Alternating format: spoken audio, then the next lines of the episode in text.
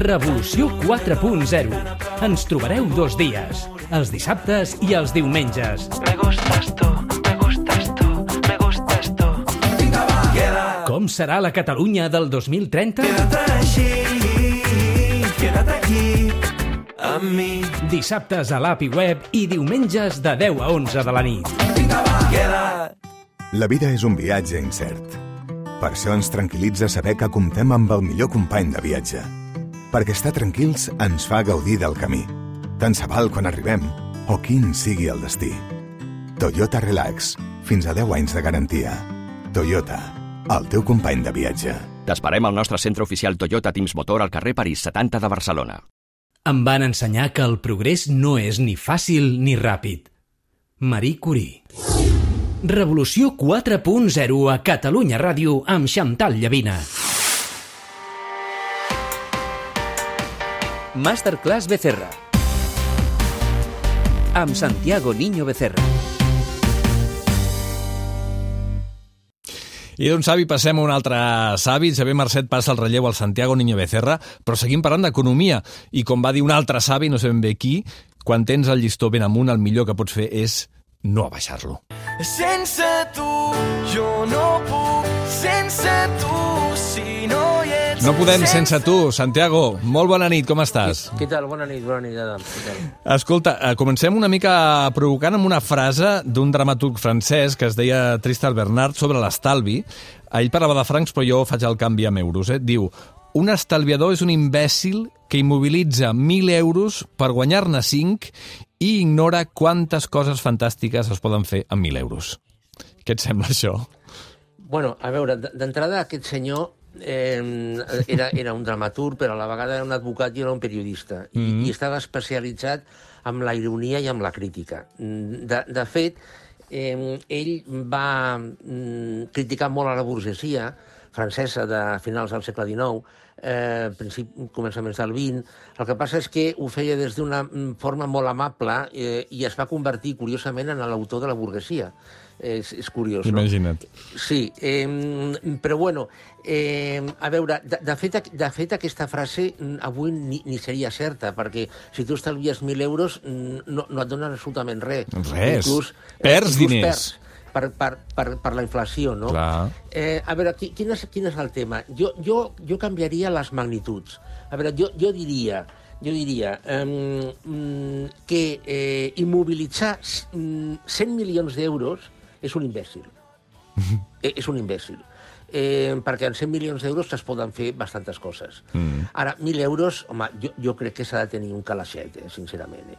Ara. Encara, encara que sàpigues que, que pots perdre alguna cosa. Però, però per a un imprevist... Mira, parlant d'això, una dada. Eh, darrera enquesta del CIS, el, si no recordo malament, eh, el 57% dels espanyols no poden fer front a un imprevist. Sí, senyor. Un, un imprevist del tipus s'espatlla la rentadora, s'espatlla la caldera de calefacció. Clar, clar, clar. I llavors, per, tu recomanes que tinguem una mínima quantitat, si podem, evidentment, eh? Si podem, una mínima quantitat, encara que estiguem perdent, entre cometes, diners, perquè el tenim Sí. al compte, eh, però que la tinguem per aquests petits imprevistos. Sí, home, això, això s'ha de tenir, perquè, a veure, és que el, el, problema, el problema és que mm, eh, aquesta, una, una, un, una, una nevera, una nevera no s'espatlla, mm, no t'avisa, ei, txt, txt, la setmana vinent m'espatllo, eh? S'espatlla, s'espatlla. Llavors truques al servei tècnic eh, i et diu, buf, escolti, la reparació li costarà més que una nova, eh? Mira, és que estàs, estàs fent ara mateix una secció basada en la meva vida real, perquè m'ha passat el mateix amb el rentavaixelles. Doncs pues fixa't. Ha vingut, m'ha dit, "Tu, això, la peça 180, no sé què... I dic, home, però si té 8 anys, si m'haig de gastar 200 euros uh, per canviar, quasi que la canvio, no? I, i Sí. mira, Sí, sí, això, això és un tema... Eh, bueno, ara, ara entraríem en una altra, en una altra de, derivació, eh, que és el tema del, de la denomenada obsolescència programada no, dels electrodomèstics. Els meus pares van tenir un, un televisor, i això és real, eh? eh a més, un televisor, clar, evidentment, llavors no hi havia televisió digital, en 50 canals, i, és a dir, hi havia un canal únic, no? Però mm, els meus pares van tenir un televisor, un Filco, concretament un Filco, mm. que el, els hi va durar 32 anys. imagina't. Sí, sí. I es veia de fàbula, eh? Bueno, es veia de fàbula tenint en compte com es veia abans la tele, clar, evidentment. Sí, sí, sí, clar, sí. Avui dia això és absolutament impensable. Va, que no, no ens desviem gaire del tema. Has parlat de la tele que va funcionar amb electricitat, com a mínim de moment. Uh, escolta, està baixant en picat l'electricitat, perquè... Eh, com s'explica això? Uh, fa uns mesos 400 euros el quilowatt hora i ara 11 euros? Què està passant? Bueno, a, a, a veure, clar, tu, tu, tu mm, ara estàs comparant dos fotos. És a dir, va- vas, estàs comparant una foto d'un preu rècord amb una altra foto mm, també d'un preu rècord. I la mitjana? Bueno, aquí està. Eh, és a dir, a veure, això està molt vinculat amb el tema dels combustibles i el tema de l'energia eh, en general. És a dir, els combustibles, per exemple, el preu està baixant. Ja saps que els combustibles eh, es negocien a futur, és a dir, la, la benzina que eh, eh, tu estàs posant avui al cotxe Mhm. és un petroli que es va comprar fa dos o tres mesos a futurs. Eh, I llavors, en, en funció d'unes expectatives, el preu és un o és un altre. És a dir, quan, quan tu mires amb, un, amb una cotització de petroli, entres a internet i mires, mires cotització del petroli Brent avui, clar, aquest, aquest petroli dius, hòstia, que car, o ostres, que baix, no, no és la benzina que tu posaràs demà. Llavors, el, el, el petroli està baixant. Ara sembla que està pujant una altra vegada, però bueno, fins ara estava baixant. Per què? Perquè les expectatives de consum anaven a la baixa. Amb l'electricitat una mica passa el mateix. És a dir, si, si ara ha hagut uns dies, parlo, parlo d'Espanya, eh? ha hagut uns, uns dies que ha fet molt de vent, eh, i està plovent. A, aquí no, a Barcelona no plou, però a altres puestos plou. Mm. Eh, ll- llavors, s'està produint més electricitat amb eò eòlica mm. i més electricitat hidroelèctrica, que és moltíssim més barata que l'electricitat produïda amb gas. Mm -hmm. Amb la qual això, clar, com és, eh, com és el, el preu marginalista per fer el, el còmput del quilowatt, a, avui mm, tenim un preu baix de la- de l'electricitat. Això val. no implica que demà torni a pujar un un 40%, eh? No, no, no, gràcies per avisar-nos, eh? Sí. Seguim amb aquell calaixet sempre. Uh, Sí. I a més, amb la setmana que hem tingut de, de vent esbojarrat, déu nhi també com han Sí. anat les eòliques, no? Parlem de la inflació, que abans en parlaves quan dèiem que si tenim els diners en un compte només allà posats acabem perdent diners per la inflació.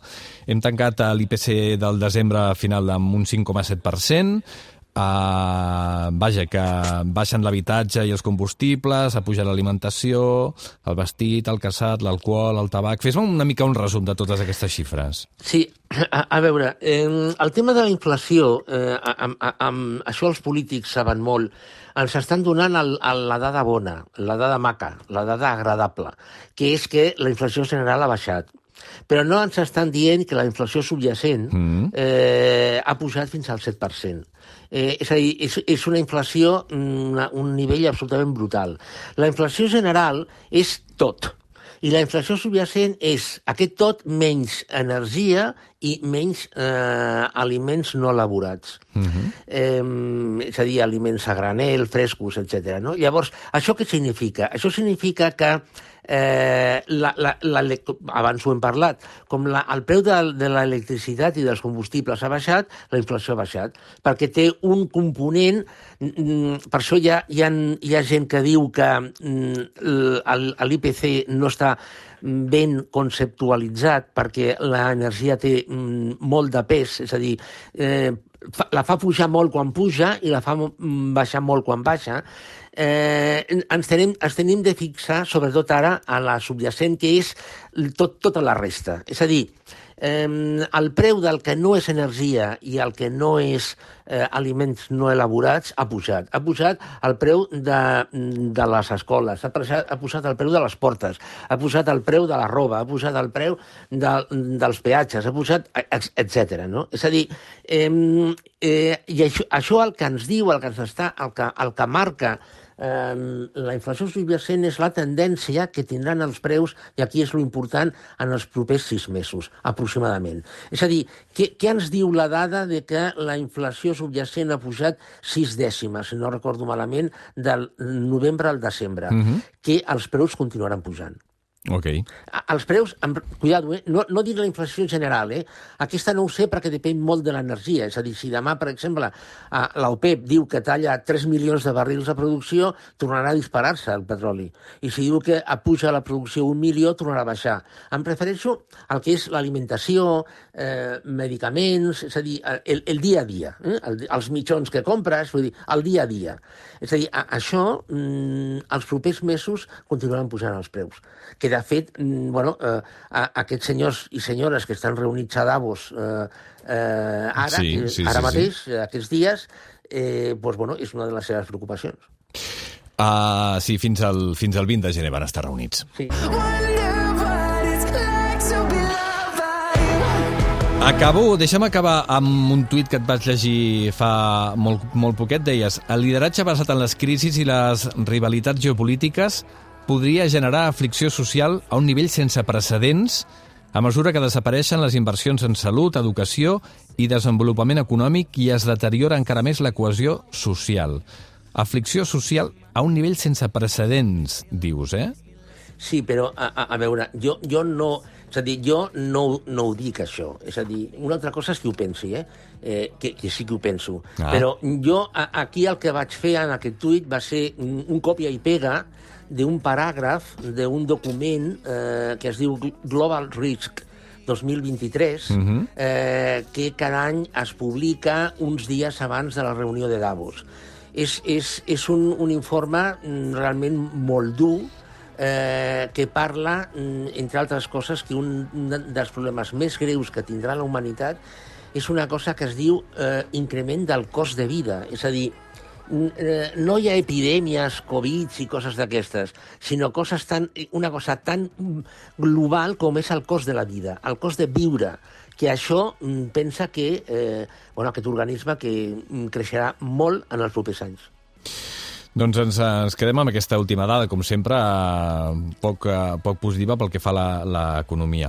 Santiago, com sempre, un plaer que, que ens deixis amb el- amb l'ai al cor, eh? si és que es pot dir així. Una abraçada Bueno, molt forta. Fins a la Gràcies, propera. d'acord, bona nit. Bona nit. Adéu, bona nit.